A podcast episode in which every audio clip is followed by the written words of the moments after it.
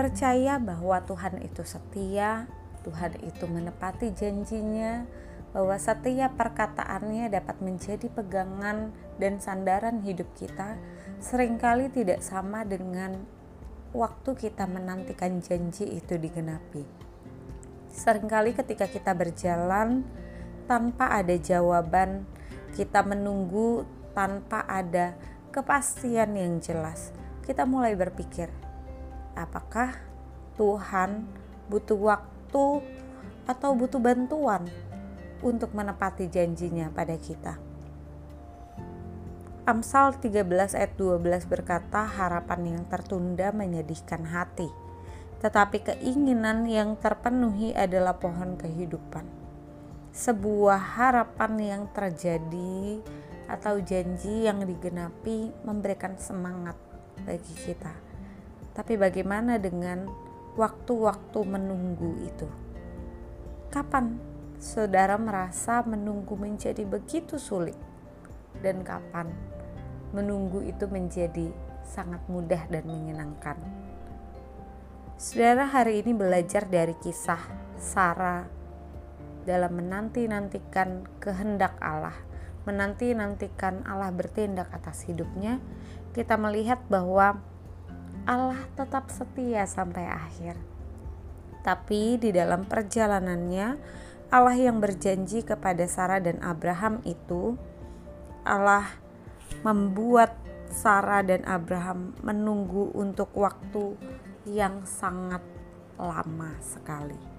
Lebih dari 20 tahun Allah baru menggenapi janjinya. 20 tahun itu bukan waktu yang sebentar ini satu hari yang kita jalani. Besok satu hari lagi.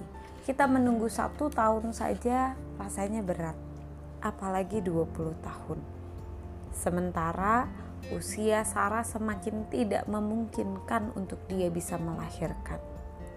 Di tahun yang ke-10 menjelang tahun yang ke-11 muncul keraguan. Bukankah itu hal yang wajar? Sebagai manusia kita pasti berpikir ah jangan-jangan ada cara lain yang Tuhan mau pakai. Jangan-jangan lewat budak yang selama ini ada di samping saya lewat cara-cara yang biasa dilakukan orang kebanyakan Tuhan mau genapi janjinya. Jangan-jangan saya juga harus bertindak supaya Allah juga bertindak. Maka Sarah melakukan sebuah kesalahan besar dia memakai cara-cara yang umum dilakukan orang. Apa yang dilakukan kebanyakan orang untuk mendapatkan keinginannya, bukan mendapatkan janji Tuhan. Dia meminta Hagar untuk menikah dengan suaminya, untuk menghasilkan keturunan yang bukan dari dalam rahimnya. Sementara kita tahu bahwa Allah berjanji keturunanmu yang akan menggenapi menerima janji berkat Tuhan. Saudara, kalau kita ingat posisi Sarah, mungkin kita tidak akan mudah menghakimi. Bukankah kita begitu sering merasa Tuhan terlalu lama bertindak? Tuhan, apakah Engkau butuh aku membantu? Tuhan, apakah dengan cara-cara umum yang dilakukan kebanyakan orang, janjimu akan digenapi? Tuhan, apakah selama ini aku yang tidak peka, tidak mengerti maksud hatimu? Apakah aku juga harus bertindak supaya engkau bertindak?